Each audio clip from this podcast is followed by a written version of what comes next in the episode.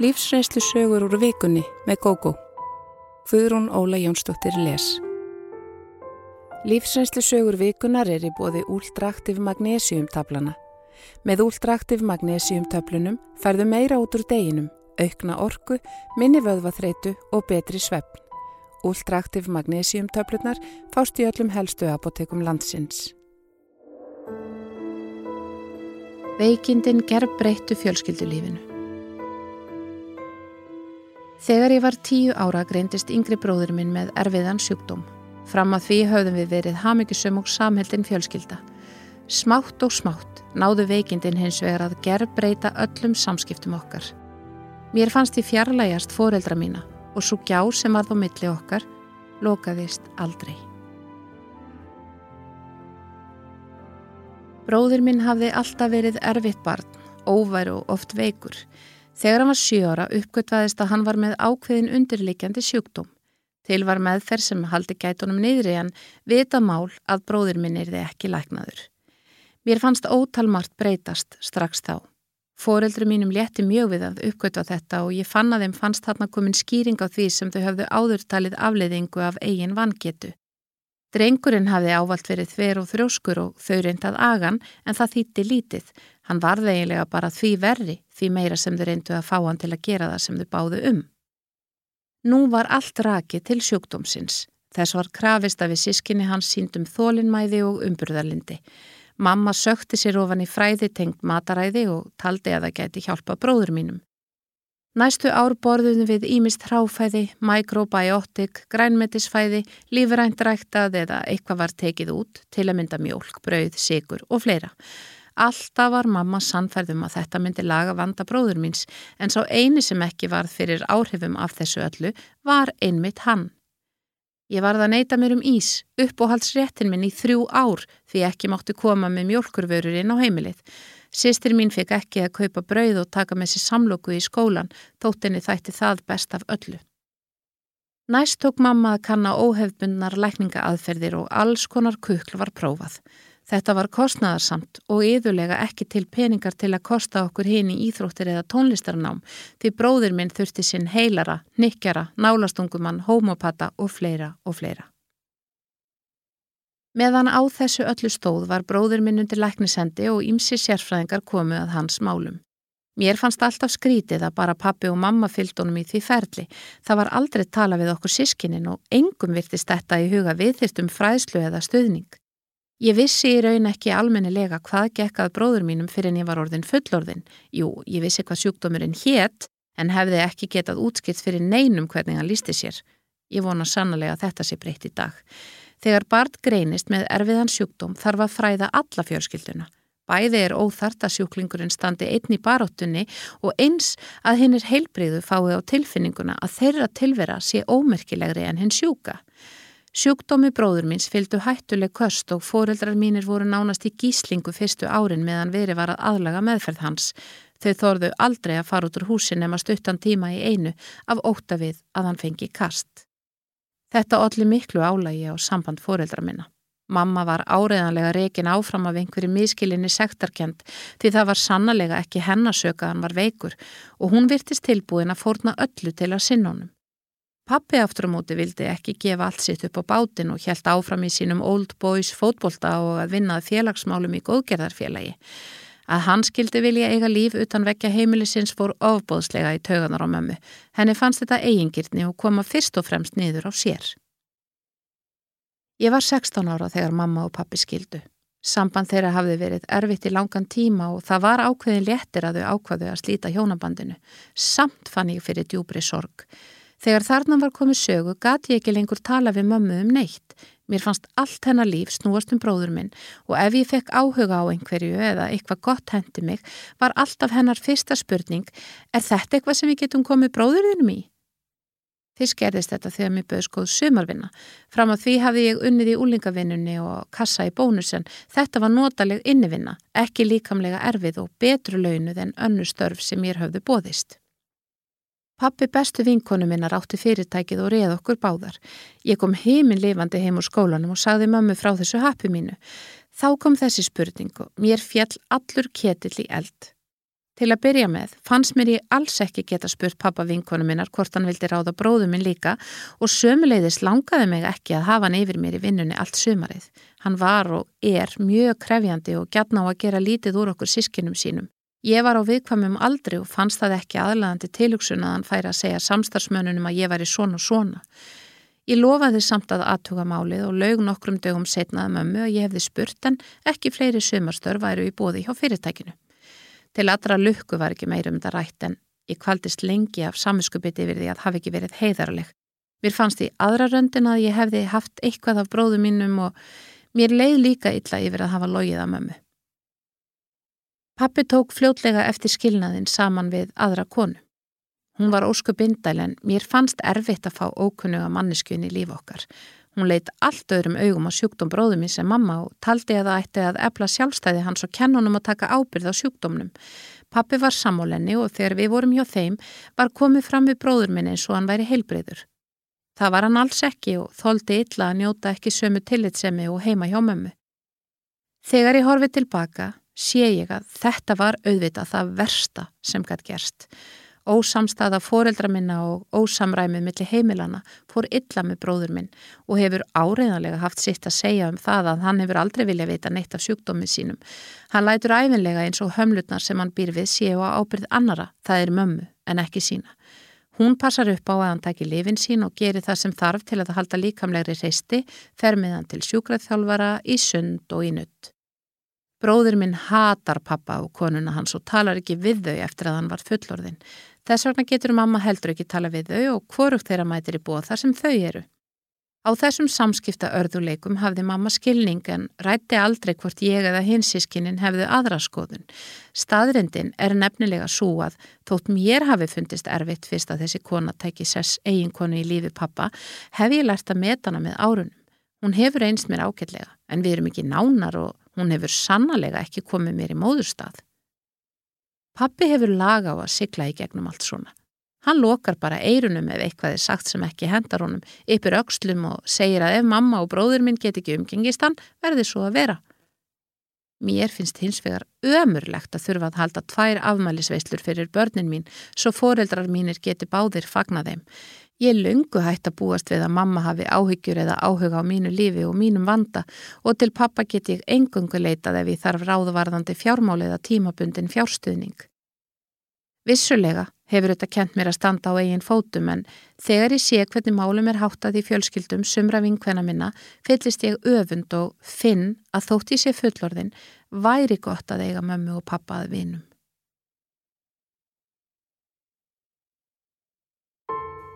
Sistir mín rústaði heimili mínu. Ég flutti að heimann tvítug og stopnaði heimili með kærasta mínum. Við eignuðumst ári síðar okkar fyrsta barn og giftum okkur. Þótt okkur gengi mjög vel fann ég fyrir fæðingarþunglindi og átti töluvert erfitt fyrsta árið sem dóttir mín lifði. Á sama tíma var sýstir mín að taka saman við mannsinn og þegar þau fenguð að dvelja í minni íbúð mánaðar tíma gerðu slutir sem særuðu mig djúft. Maðurinn minn var á þessum árum oft í burtu vegna vinnu sinnar og ég því mikið ein með barnið. Ég var stundum illa haldin af kvíða og fannst ég ekki valda þessu nýja hlutverki. Ég hafði veikst alvarlega rétt eftir fæðinguna og um tíma var tvísynd um líf mitt. Þetta hristi alvarlega upp í tilfinningarlifi mínu og ég var döðrættum að eitthvað kæmi fyrir mig. Mig dreymdi erfið að drauma um að ég lægi einhver staða rænulegs og barnið eitt og grátandi í rúmi sínu. Engin kom til að sinna því og yðurlega vaknaði ég upp grátandi eftir slíkar drömfaris. Dag nokkurt fór mamma að tala um það við mig að það færi mjög í taugarnar á pappa að kærasti sýstur minnar var öllum stundum minn á heimilið þeirra. Honum fannst þetta mjög óþægilegt og mömmu fannst það ömurlegt tilugsun að hann myndi hugsanlega missa þólinnmæðina og segja eitthvað anstekilegt við strákin. Hún hafði reynd að færa þetta í tal við sýstur mína en unga parið helt uppteknum hætti. Þannig stóð á að maðurinn minn var einmitt á leið í eina af sínum ferðum út á land og yrði í burtu í allavega mánuð. Ég stakk því upp á því við mömmu að ég flytti heim til þeirra og yrði í herbergi sýstur minnar með barnið en þau í íbúðinu minni. Þetta var samþygt og daginn eftir fluttu báðir aðilar með nöðsynlegustu hluti hver á sinn stað. Dagarnir liðu og mér fannst gott að vera komin aftur heim til mömmu og öryggi mitt jóks til mikill að muna. Að vita af mömmu gerði það að verkum að ég ótaðist ekki að barnið yrði bjargarlaust ef eitthvað kemi fyrir mig. Í fyrsta sinn í rúma nýju mánuði svaf ég róleg, martraðirnar hættu. Þegar tveir dagar voru í að maðurinn minn kemi heim, fór ég þanga til að aðtuga hvað ég þyrti að kaupa af matvælum. Klukkan var að ganga þrjú að degi til og ég ringdi dyrabjöllunni til að vera vissum að ég trublaði ekki íbúana. Sistri mín kom til dyra döð sefjuð og hleyfti mér inn. Ég stóði í dyrunum á heimili mínu og mér fjall allur ketill í eld. Augljóslega hafði ekki verið þrifið eða tekið til síðan ég gekk út 28 dögum fyrr. Óhreinleiri þau var allstæðar, tómir kaffibodlar, diskar, skálar og vasklus. Greinilega hafði verið eldað, bæði steikur og súpur, því oppottur stóð á eldavilinni með harnari fytu í botninum, óhrein panna við hlið hans og pottar fylgtu annan vaskin en matardiskar og önnur ílát hinn. Öll borð voru á kafi í drastli, umbúðir utan af salgæti, född með matarleifum, dagblöð, tímaritt, bækur og ótalmart fleira lágum allt. Augljóslega höfðu menn einfallega tekið hluti, notað á um stund og skilið á eftir þar sem þið stóðu í það og það sinnið. Gólfið var þakið alls konar milsnu og slettum og þið sama gildi um borðin. Ég vissi eiginlega ekki hvar ég ætti að byrja eða hvað ég ætti að segja. Ég gekk inn og bað til að skipta á stelpunni og þá eiginlega brotnaði ég niður. Vaskurinn drullu skítugur, sömuleiði spekkurinn í kringumann og speilin út slettur. Klósettið var ógæðslegt og augljóst að allt hafði verið í það. Sturtan hafði verið nótuð óspart en engin tilraun gerð til að þrýfa sáputöima og önnur óhrinnindi. Við hlið vasksinn stóð óhreinathauskarfa og þegar ég tók hana til hliðar lágur rauk óhrein handklæði þar og miklu líktin af þeim var yfirgengileg. Ég misti gerðsamlega stjórn á mér. Ég gekk inn í Svefnumbergi þar sem pari lá og heldi mér yfir þau hágrenjandi. Hvernig gáttu þau gert mér þetta? Hvers konar umgengni var þetta um heimili annara? Í stað þess að skammast sín og byggast afsökunar varð sýstir mín brjáluð. Hún öskraði á móti að þau væri lasin og hefði ekki geta tekið til. Ég bendi á að þetta væri mun verra en svo að einstilt tveggjadaga veikindi gæti útskýrt útgangin á íbúðinni. Augljóst væri að ekkert hefði verið laga til allan þann tíma sem þau voru á heimilinu. Hún kallaði mig móðursjúka og margt fleira og skötu hjúin röku upp úr rúminu í einhverjar spjarir og út. Eftir satt ég í rústum heimilis míns algjörlega miður mín. Ég reyndi að byrja eitthvað að laga til en misti fljótlega móðin og satt yfirkomin þegar dýrabjallan ringdi. Fyrir utan stóð vinkona sístur minnar. Hún sagðist vera komin til að hjálpa mér.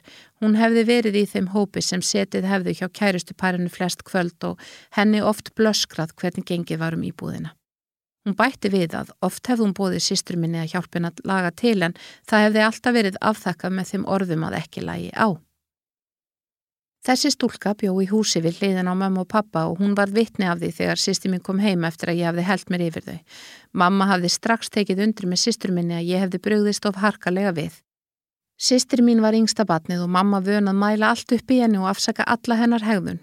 Vinkonan hafði hins vegar sagt við þar báðar að hún vissi hvernig íbúðin mín liti út og hún ætlaði að fara og hjálpa mér og það gerði hún sveika löst. Hlýleiki hennar og stuðningur var líka til þess að ég fekk aukin styrk og við unnum sleitulöst næstu tvo tímana við að koma öllu í lag. Ég tók handklæðin af baðinu og þóði þau en miklu líktinn kvarf ekki. Ég reyndi aftur og hengdu þau út á svalir en allt kom fyrir ekki. Á endanum var ég að henda þeim fyrir líktinn kvarf ekki.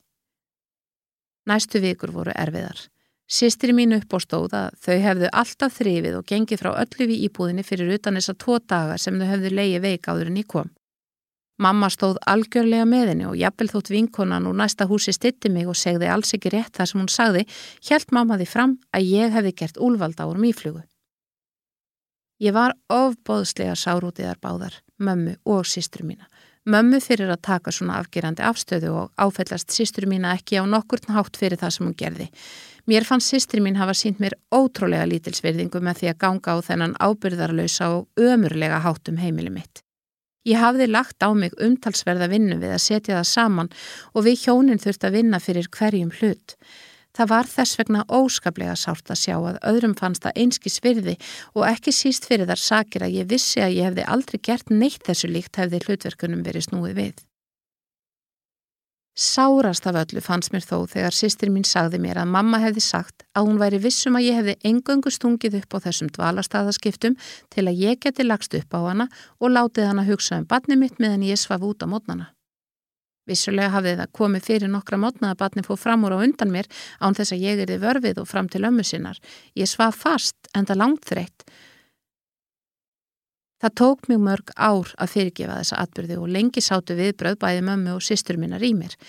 Enn í dag heldur sýstur mín því fram að ég hafi íkt mjög mikið umgengnina og heldur sig við það, þótt vinkonennar bakki ávalt upp mínalið. Mamma talar hins vegar aldrei um þetta núorðið og segist ekki ætla að taka afstöðu. Hún virðist ekki gera sig grein fyrir að hún er þegar búin að því.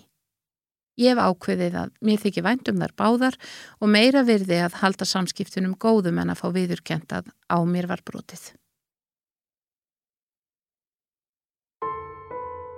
Mér var útskúfað. Ég misti móður mína þegar ég var tæpra fjögur ára gömul. Ég man lítið eftir henni en á einhverjar óljósar minningar sem ég held að séu tengdar henni. Í tvö ára eftir að hún dó byggum við pappi ein en ég var mikið í pössun hjá ömmu. Pappi kynnti stjúpmóður minni þegar ég var nýbyrjuð í skóla og hún flutti inn til okkar nokkru mánuðum síðar. Ég átti ákaflega erfitt með að sætta mig við hana fyrst í stað og tók upp á ímsu til að láta vanþóknun mína í ljós. Smátt og smátt jafnaði ég mig þó og friður ríkti á heimilinu. Ári eftir að þau fóruð að búa eignuðist pappi og stjúpa minn són og tveimur árum síðar fættist sýstir mín. Ég fann kannski aldrei beinlinnist til þess að okkur sískinunum væri mismunað þegar gafir og peningar voru annars vegar en það var allatíð augljóst að sískinu mín komist upp með fleiri og stærri agabrót en ég. Mér fannst ég einnig utanveldu og að stjúpa mín og börnin hennar mynduði eins og hóp eða einingu sem oft snýrist gegn mér. Pappi reyndi að vera hlutlus og feta millivegin en hann er vandrataður og þess vegna endaði oft með að öllum þótti að sér vegið og ekkert réttlæti ríkja. Móðurama mín var mér ákaflega góð og þar sem ég var eina badnabatnið hennar urðu við mjög nánar. Sumarið eftir að ég fermtist urðu áreikstrar mínir við stjúpu og sískinni mín erfiðari og sárari. Ég leitaði þá jafnan til ömmu og átti hjá henni örugt skjól. Það endaði með því að ég krafðist þess að fá að flytja til ömmu. Stjúpa mín tók þeirri hugmynd vægast sagt illa, en það hafði henn alltaf verið illa við ömmu mína. Amma var ekki á vel efnum búin og stjúpa sá ofsjónum yfir því sem amma veitti mér umfram hennar börn. Í rifrildum var hún vöna tilkynna mér að ég væri ofdegruð af ömmu minni og að óreitlátt væri að börnin hennar þyrtu að horfa upp á að hún færði mér stórgjafir en þeim eitthvað mun minna og ódyrara. Ég hafði ekkert svar við þessu þá en í dag ger ég mér grein fyrir að stjúpa mín hafði í raun engan rétt til að krefjast þess að amma færði hennar börnum gjafir. Amma gerði það því hún var örlátt og góð kona en hægur vandi hefði verið að útskýra fyrir sískinu mínum hvers vegna ég naut meira dálæti sem þau. Amma mín hafði mátt þóla mikið mótlæti í lífinu. Afi minn dó af slísförum á besta aldri og engadóttir hennar, móðir mín, dó korn ung. Augmömmu átti amma eitt són en hann var mikill sjúklingur allt frá barnæsku og náði heldur ekki háum aldri. Um það leiti að ég vildi flytja til ömmu var frændi minn orðin algerlega rúmfastur og við vissum að hann ætti sennilega ekki afturkvæmt af þeirri stopnun sem hann var á. Herbergi hans í íbúð ömmu var því laust og ekkert því til fyrirstöðu að ég flyttið ángað inn. Stjúpa mín tilkynnti mér að færi ég út af heimilinu, vildi hún ekki sjá mig þar aftur.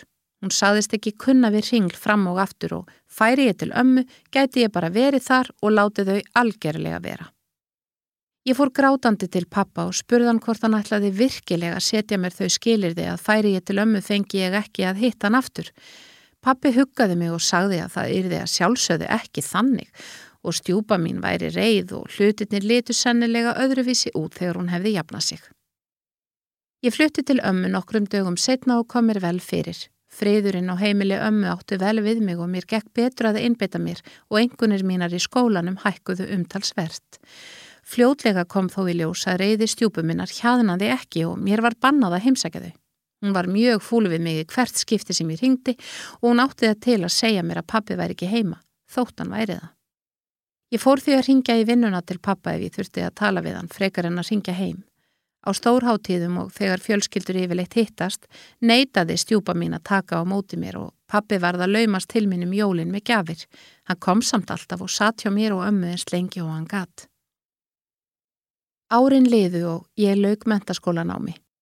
Kvorki stjúpa mín er sískinni komi í stúdensveisluna mína og þegar bróðu minn fermtist ári síðar var mér ekki bóðið. Rétt fyrir fermingadaginn hans fór ég að skólanum hans og beð fyrir utan þánga til hann var búinn. Ég bauð honum svo með mér á kaffihús og gaf honum gjöf, en nokkrum dögum setna kom gjöfin tilbaka í posti. Pappi kom svo setna og sótt hann aftur. Þegar við hittumst fannst mér bróður minn hálf kuldalegur og það var eins og hann vissi ekki alveg hvernig hann ætti að vera gagvart mér. Ég reyndi bara að spjalla við hann á gladlegum nótum og færði ekkert í tal ástandið í fjölskyldunni. Þegar sýstir mín fermtist ætlaði ég að gera slíktið sama en hún sagði mér þegar ég hitt hana að mamminar hefði banna sér að fara með mér. Ég gaf henni þó bara gjöf og að þessu sinni kom gjöfin ekki tilbaka. Bróður minn var nú orðin stálpaður og sjálfstæðir í hugsun en áður. Hann kom að heimsækja mig og við rættum lengi saman. Ég útskýði málinn frá mínu sjónarhorni en hann hafði eftir ummæli móður sinnar um mig að ég væri ofdegruð, eigingjörn og frek. Hún sagði þeim sískinu mínum að ég hefði strax sem barn hata sig og reynda fremsta megnið að spilla melli hennar og pappa. Það hefði ekki verið hægt að aga mig á nokkurn hátt og ég hefði lengt og ljóst stundað undiróður starfsemi gegn henni innan föðurfjölskyldunar. Með því útskýði hún þá staðrind að föðurama mín og afi og sískinni pappa lágu ekkert á þeirri skoðun sinni að þeim finnist hún óreittlátt gagvert mér. Ég bendi bróður mínum á að ég hefði verið sex ára barn þegar móður hans komin á heimili mitt og að þau hefðu ekki gefið mér mikinn tíma til að venjast aðstæðum áður en hún flutti inn. Ég spurði hvort honum þætti réttláta þess væri krafist að barn og úlingur hefði skilning á erfiðum tilfinningum og gæti tekist áviðar eins og fullorðin manneskja. Hann sagðist hafa fullan skilning á því sem ég var að segja og upp frá því urðum við vinir. Sistri mín hefur enn ekki haft samband við mig og ég veit ekki hvort það er vegna þess að hún þórið það ekki eða hvort hún kæri sig um það. Ég útskrifaðist úr háskólanámi fyrir skömmu og gifti mér sama dag. Pappi og bróður minn voru í brúðköpinu og auðvitað aðrir ættingar mínir. Amma er orðin háöldruð en er enn vel erð. Ég er þess fullviss að ég á henni að þakka hversu sátt við lífið ég er þrátt fyrir þetta fáránlega ósamkomulag og vittlisu innan fjölskyldunar. Amma er eins og margir þeir sem gengið hafaði gegnum mikla erfileika, umburðarlind og jákvæðga hvert öllum samborgurum sínum. Hún kendi mér að vera ekki bitur út í stjúpu mína og fyrirgefinni ílskuna. Amma bendi mér á að sennilega hefur ekki verið auðvelt fyrir stjúpu mína heldur að taka við stálpuðu barni sem önnur kona átti og sömuleiðis hefur hún vafalust oft fundið til afbreyði sem er gagvart mömmu sem pappa þótti mjög væntum. Ég er ána með að vera í þó þetta góðu sambandi við pappa og bróður minn og vona að sýstri mín muni einhver tíma líka vilja kynast mér.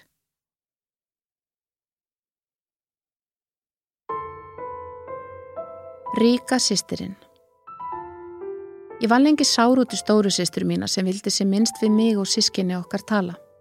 Við heldum að hún væri svona snoppu þar sem hún bjó við ríkidæmi, öfugt við okkur. Laungu síðar ofinberaði hún lindarmál sitt. Við sískinnin byggum á Norðurlandi og þegar elsta sýstirinn gifti sig flutti hún með manni sínum til Akureyrar. Ég var hjá þeim í eitt sumar á úlingsárunum og gætti tvekja barnað þeirra. Máur minn var af efnuðu fólki komin og var snjalli viðskiptum. Þau höfðu það gott þá og áttu eftir að hafa það enn betra. Ég kynntist Pallarúmlega tvítu og þegar við fórum að búa saman völdum við að vera á Akureyri. Palli var úr sveitinni og hafði hagnýta mentun sem nýttist honum hvar sem var. Sjálf hafði ég hætti námi eftir skilduna og farið að vinna. Ég átti eftir að sjá mikið eftir því. Þótt stóra sýstir mín byggi einnig og Akureyri var samband mitt við hana lítið.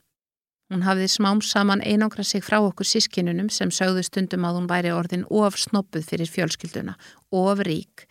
Hún var allavega fjarlæg og bauð okkur aldrei í heimsótt til sín en hjælt þó flott matarbóð fyrir vini þeirra hjóna. Mér fannst þetta sorglegt en hún heimsótti þó mömmu nokkur reglulega eftir að pappi dó langt um aldur fram. Þau hjónin fóru mikið til útlanda og þá sá óperstúlkan þeirra um heimilið. Við Palli byggum saman í fjögur ára og egnuðumst són og dóttur. Ég var heimavinnandi og ánað með lífið og tilveruna. Það kom eins og þrjum ár heiðskýru lofti þegar Palli fann sér aðra konu. Ég veit ekki hversu lengi framhjóhaldi stóð en hann hafði þó mandum í sér til að segja mér sjálfur frá því. Hann hafði orðið ástfangin af gamalli vinkonu úr sveitinni og áðurinn í vissi að var hann fluttur til hennar og komin á kafi, mjaltir og heiskap. Þau eru gift í dag og hafmyggisum, skils mér. Ég hef fyrirgefið honum fyrir löngu og við eigum í ágætu sambandi í dag. Konan hans er góð við börnun okkar, en það liðu þó mörg ár það til sárin greru. Ég var ein með tvö ung börn og enga mentun sem var ávísun á fátækt. Sárindin voru svo mikil út í pallaði ég let ljót orð falla sem gerðan reyðan og ósangjarnan þegar við skiptum búinu. Hann hikaði ekki við að taka ískápin sinn, pottana, sófasettið, hjónarúmið og hvað eina sem hann leitt á sem sína eign. Það var ansið tómlegt í íbúðin og eftir og ég spurði hæðnislega hvort hann vildi ekki líka taka rúm barnana. Góðir grannar greipu til sinna ráða og með þeirra hjálp ég notaðan lítinn ískap og fleira í eldúsið og fínasta rúm. Gamalt en gott sófasett fekk ég einni gefin sásamt ímsu sem vantaði í búið. Fóreldrar vinar mín sáttu litla kjallara í búð sem ég gætt fengi fyrir lagri leigu, svo ástandið skánaði mikill. Ég fekk vinnu í verslun og starfaði að auki við þrif, tvö kvöld í viku. Einn frænka mín, bróðurdóttir mín, passaði fyrir mig á meðan í þreif. Launin fyrir þessi tvö störf dögður rétt svo fyrir nauðþurftum. Ég læriði nýttni á þessum tíma, keifti til dæmis þannig föt á sónin að dótturinn geti nýtt þau þegar hún yksi upp í þau. Mér tókst að elda góðan mat og rótir úr ráefni og þráði mest af öllu að eiga fristikistu til að geta sparað enn meira, en það er dýrst að vera fátakur og ég hafði gefni á fristikistu. Ég hafði brent mig á því að vísareikningurinn gæti orðið ansi hár og því notaði ég kortið bara í algjöri neyð. Mig dreymdu um að menta mig til að geta fengið betur borgaða vinnu en sá draumur var fjarlægur.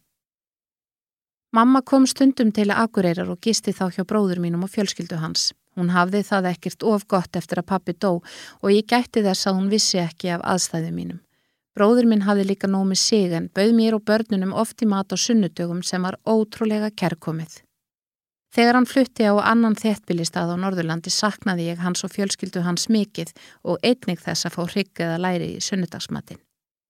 Stóra sýstir létt sjaldan heyra í sér og ég var stundum ansi sár út í hana. Henni bara auðvitað engin skilda til að aðstóða mig og nokkurn hátt en þessi fjarlagð sem hún vildi halda á milli sín og okkar sískinana var særandi. Jólin álguðust. Ég vildi að börnin mín ættu góð jól en átti enga peninga Húsalegan hafði hækkað og mig munaði heilmikið um það. Þetta yrðu fyrstu jólin án bróður mín svo fjölskyldu hans en mamma ætlaði að vera hjá þeim yfir hátíðarnar. Það þýtti að ég erði ein með börnunum og ekkert jólabóð. Stóra sýstir ætlaði að vera í útlöndum eins og svo oft í fríum. Ekki það að hún hefði bóðið mér að koma í mat þótt hún væri heima. Hins sískinni mín tvö byggu í Reykjavík og ég hitti þau allt og sjaldan. Þau höfðu nómið sig eins og allir og jafnvel þótt þau hefðu bóðið mér að koma til sinni yfir hátíðarnar hefði ég ekki geta borga rútuferð, hvað þó flugferð. Skömmu fyrir jól ákvað ég að leita til mæðrastyrks nefndar. Þar var mér vel tekið og ég fekk væna matargjöf sem dugði öll jólin og áramótin.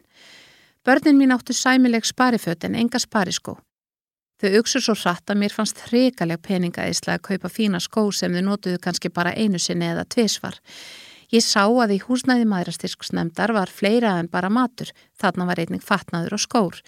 Ég fann fallega spariskó á þau bæði og spurði indælu konuna sem þarna var að vinna hvað þeir kostuðu. Samt átti ég valla til krónu í eiguminni. Þeir kosti ekki neitt, saði konan og ég kváði. Ég held að hún hafi lesið í aðstæður mínar og tekið þá ákverðin að gefa mér þessi tvöpur af skóm. Ég varð heiminn glöð og það urðu börnin líka. Eitt fyrsta verk mitt í janúar var að heimsækja mærastyrksnemnd aftur, þakka fyrir mig og afhenda þeim skópurinn svo önnur börn nýttu góðs af. Þetta erfiða ástand stóði þrjú ár en ég misti þó aldrei vonina um betri tíð með blóm í haga. Mér var farð að langa flytja í burtu þar sem ég var nánast eina á Akureyri og með aðstóðsistur minnar í Reykjavík fekk ég bæði íbúð og góða vinnuðar svo ég flutti í vonum betra líf fyrir mig og börnin mín. Það gekk svona líka vel og með árunum tóks mér að kaupa fyrstu íbúðina mína. Á sama tíma kynntist ég manni sem ég giftist tveimur árum setna. Hann er dásamlegur og hefur kvart mig til að láta draumana um frekara nám rætast. Mamma hjælt upp á stórafmæli sitt heima hjá bróður mínum fyrir norðan, nokkrum árum eftir að ég flutti í bæin. Við hins sískinin mættum við fjölskyldum okkar, nema stórasistir sem kom einn, en þá höfðum við ekki hist öll fimmu mjög langa hríð. Við sískinin vorum stötti í eldúsinu heima hjá bróður mínum daginn eftir afmælið og þar varpaði stóra sýsti sprengju. Hún ætlaði að skilja við mannin sinn. Við brugðumst illa við. Hvað var hún að hugsa? Hún hefði það svo gott. Máur okkar væri indall maður, þau ættu svo fallegt heimili og allt það. Stóra sýstir horfi á okkur í smá stund og lifti síðan upp ermunum og peysunni sem hún var í. Handleikinnir á henni voru alþaktir dökkum marblettum. Það slóð þögn á okkur og síðan fórum við og föðmuðum hana. Hún sagði okkur að ofbeldið hefði hafist fljótlega eftir að yngra batni fættist. Sjálfströstið hefði farið satt niður og við og hún fór að trúa manni sínum þegar hann sagði að ef hún vogaði sér að yfirgefan myndan fá börnin og sjá til þess að hún sæðu ekki framar. Maðurinn hennar var góður við hann inn á milli en þegar hann fekk sér í glas eða var sérlega stressaður var honum laus höndin. Honum varð sífelt verfið að hún væri í samskiptum við fjölskyldu sína, vantarlega til að geta bariðan og klipið í friði og hún þorði ekki annað en að hlýða honum. Nú var hún búin að tilkynunum að hún vildi skilnað. Börnin þeirra, uppkomin og sjálfvornir foreldrar, tókuð því mjög illa og neituði í fyrstu að tala við hana. Hvað var hún að koma tilveru þeirra allra í uppnám? Stórasýstir var með tárin í augunum þegar hún saðist ekki vilja eiðilegja álit þeirra á föðurnum með því að segja þeim alltaf létta. Þetta jafnaði sig nú allt með tímanum og sýstir mín kom undir sér fótunum á skömmum tíma. Börnin hennar hafa fyrirgefið henni og leifin að passa badnabörnin áfram. Vonandi komast þau að sannleikanum, þótt síðar verði. Nú lifi ég fyrir mig en ekki aðra. Ég ólst upp hjá mjög ströngum foreldrum. Mamma mín var mjög kröfuhörð á okkur sískinin. Við áttum að vera kurtis og prúð, standa okkur vel í skóla og vera heimilinu til sóma. Sískinu mínum tókst þetta ágætlega en ég var svarti söðurinn sem alltaf var að lenda í vandræðum. Ekki tók betra við þegar ég var fullorðin því ómögulegt reyndist að gera svo eiginmanni mínum líkaði. Ég byrjaði í skóla sex óra. Bóðið var upp á fimm ára bekk víða en mamma ákveði að láta mig halda áfram í leikskólanum. Hausti sem ég var sex ára voruð því talsverð viðbreyði fyrir mig og ég lendi strax í vandraðum gagvar kennurunum. Ég gati ekki seti kyrsögðu þeir og allir því stöðugri tröfluninn í bekknum. Ég var sendil skólasálfræðings sem komst að þeirri niðurstöðu að ég væri fullkomlega eðlilegt barn. Í flestum tilfellum hefði málið ekki náð lengra og flest önnur börn hefðu einfallega aðlagast skólastarfinu. Ég fekk hins vegar sífælt að heyra það heima hjá mér að ég hefði verið fjölskyldunni til skammar og gæti aldrei verið til friðis. Allan minn uppvöxt var því skellt á mig í hvert skipti sem mér varð eitthvað á að ég hefði nú farið til sálfræðings og sennilega væri ástæða til að fara með mig aftur vegna þess að sá fyrsti hefði ekki séð hvað væri að. Ég reyndi allt hvað ég gata að gera betur og eftir sexorabekkin lendi ég ekki í frekar í vandraðum í skólanum. Ég átti það hins vega til að gleima mér við leik og kom yðurlega of seint heim.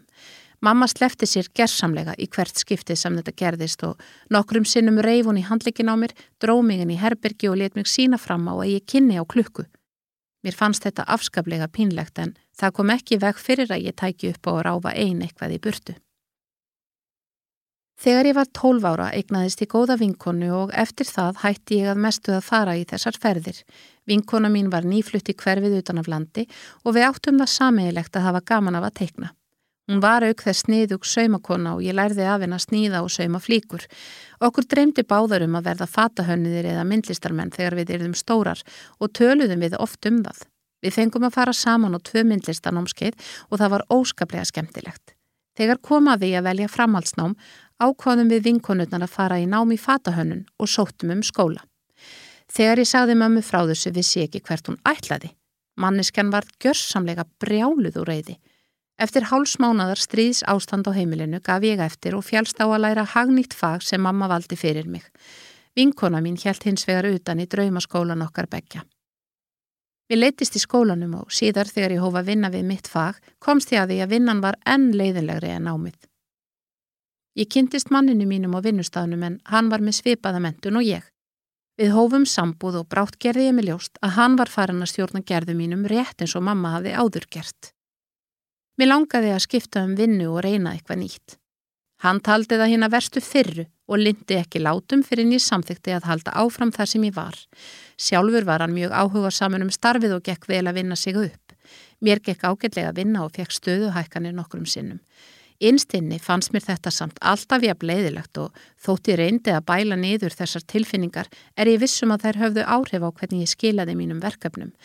Einstakasinnum tóks mér að finna fyrir einhvers konar vinnugleði og þá létt árangurinn ekki á sér standa. Í enga lífinu gekk mér ekkert betur. Mamma og maðurinn minn virtust saminuð í því að gaggrina mig sem mest fyrir allt sem ég tók mér fyrir hendur. Ég var ennað hanna og sauma á mig fött og þótt allir aðrir hósuðu mér fyrir smart klæðnað og sérstakann fatastíl fannst mömmu og manninu mínum allt sem ég gerði asnalegt og ljótt. Maðurinn minn vildi helst ekki að ég færi í fötum sem ég hafði saumað sjálf í vinnuna. Hann sagði að það væri ekki hendi úr fatnaður ef ég vildi komast áfram í vinnunni. Ég hlýtt honum og kefti mér því sérstök vinnufött sem hann valdi á mig. Ég fór á námskeið í glerlist og þeim fannst það fáránleg sóun á peningum. Ég saumaði gardinur sem þeim þótti óskaplega ljótar og engan veginn passar við stofuna. Að lokum var mér farið að finnast í missefnuð á flestum sviðum og ég lítið geta. Í mörg ár hljóp ég eftir öllum duttlungum mömmu og hans. Ég reyndi á allan hátt að verða svo kona sem þau vildu að ég væri. Ég lærði að farða mig, fór á námskeið í ræðumennsku og framkomi og fleira og fleira ekkert af þessu átti við mig og mér fannst lítið gaman af þessu öllu saman. Fyrir skömmu kom æskuvinkona mín heim frá námi. Hún hafði lokið fatahönnun og farið í framhalsnámi í innhönnun. Við fórum að vinna saman að ýmsum hugmyndum og áður en ég vissi af var ég komin á kaf í framleiðslu á fötum, skarkripum og ýmsu fleiru sem vinkona mín sáum að markasetja og selja. Ég hef aldrei verið ánaðri á æfiminni en einmitt þessa fyrstu mánuði. Mamma og maðurinn minn voru hins vegar ekki hrifin og fannst þetta óðsmanns æði. Við varum búin að kaupa efni dýrum, dómum og sætum öruglega ekki uppi með annað en stór tap af ævintýrinu. Annað átt eftir að koma í ljós. Þegar gert var upp, komum við út í þokkalegum gróða. Ég vildi halda þessu áfram en mamma og maðurinn minn töldu að þetta væri of tímafrekt og kemi niður á vinnunni. Ég stakk þá upp á því að ég segði upp vinnunni og helgaði mig þessu nýja starfi. Þau voru ekki á því að það væri skinsamlegt. Á milli okkar var mikil tókstreita í langan tíma sem endaði með því að ég sagði upp vinnunni og sótti um skólavist í listaskóla utanlands. Maðurinn minn gæti ekki sætt sig við ákverðin mína og við fluttum frá hvort öðru. Nú hef ég verið við nám í tvö ár og finna ég tók alveg rétta ákverðin. Þetta á mjög vel við mig og ég er hafmyggisöm í fyrsta skipti á æfiminni. Ég veit að ég er að gera það sem er best fyrir mig. Mamma er enn fíld, en maðurinn minn hefur hins vegar smátt og smátt lært að sætta sig við ákverðun mína og fengi meiri og meiri áhuga og trúa því sem ég er að gera. Við höfum fæst mun nærkvort öðru og munum áreðanlega taka upp sambúða nýjum leið og ég hef lókin á mig.